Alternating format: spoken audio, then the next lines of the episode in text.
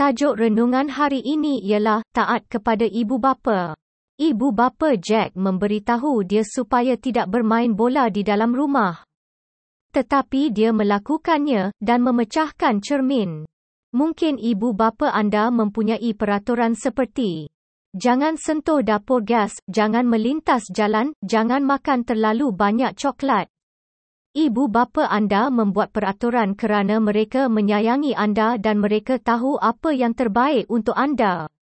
Mereka mahu melindungi anda dan memastikan anda sihat dan selamat. Tuhan mahu anda taat kepada ibu bapa anda. Apabila anda melakukannya, anda juga mentaati Tuhan. Ayat Alkitab. Anak-anak, patuhilah orang tuamu di dalam Tuhan, kerana itulah yang benar. Efesius pasal 6 ayat 1. Mari ikut saya berdoa. Tolonglah saya, Yesus, untuk mematuhi dan melakukan apa yang betul setiap hari.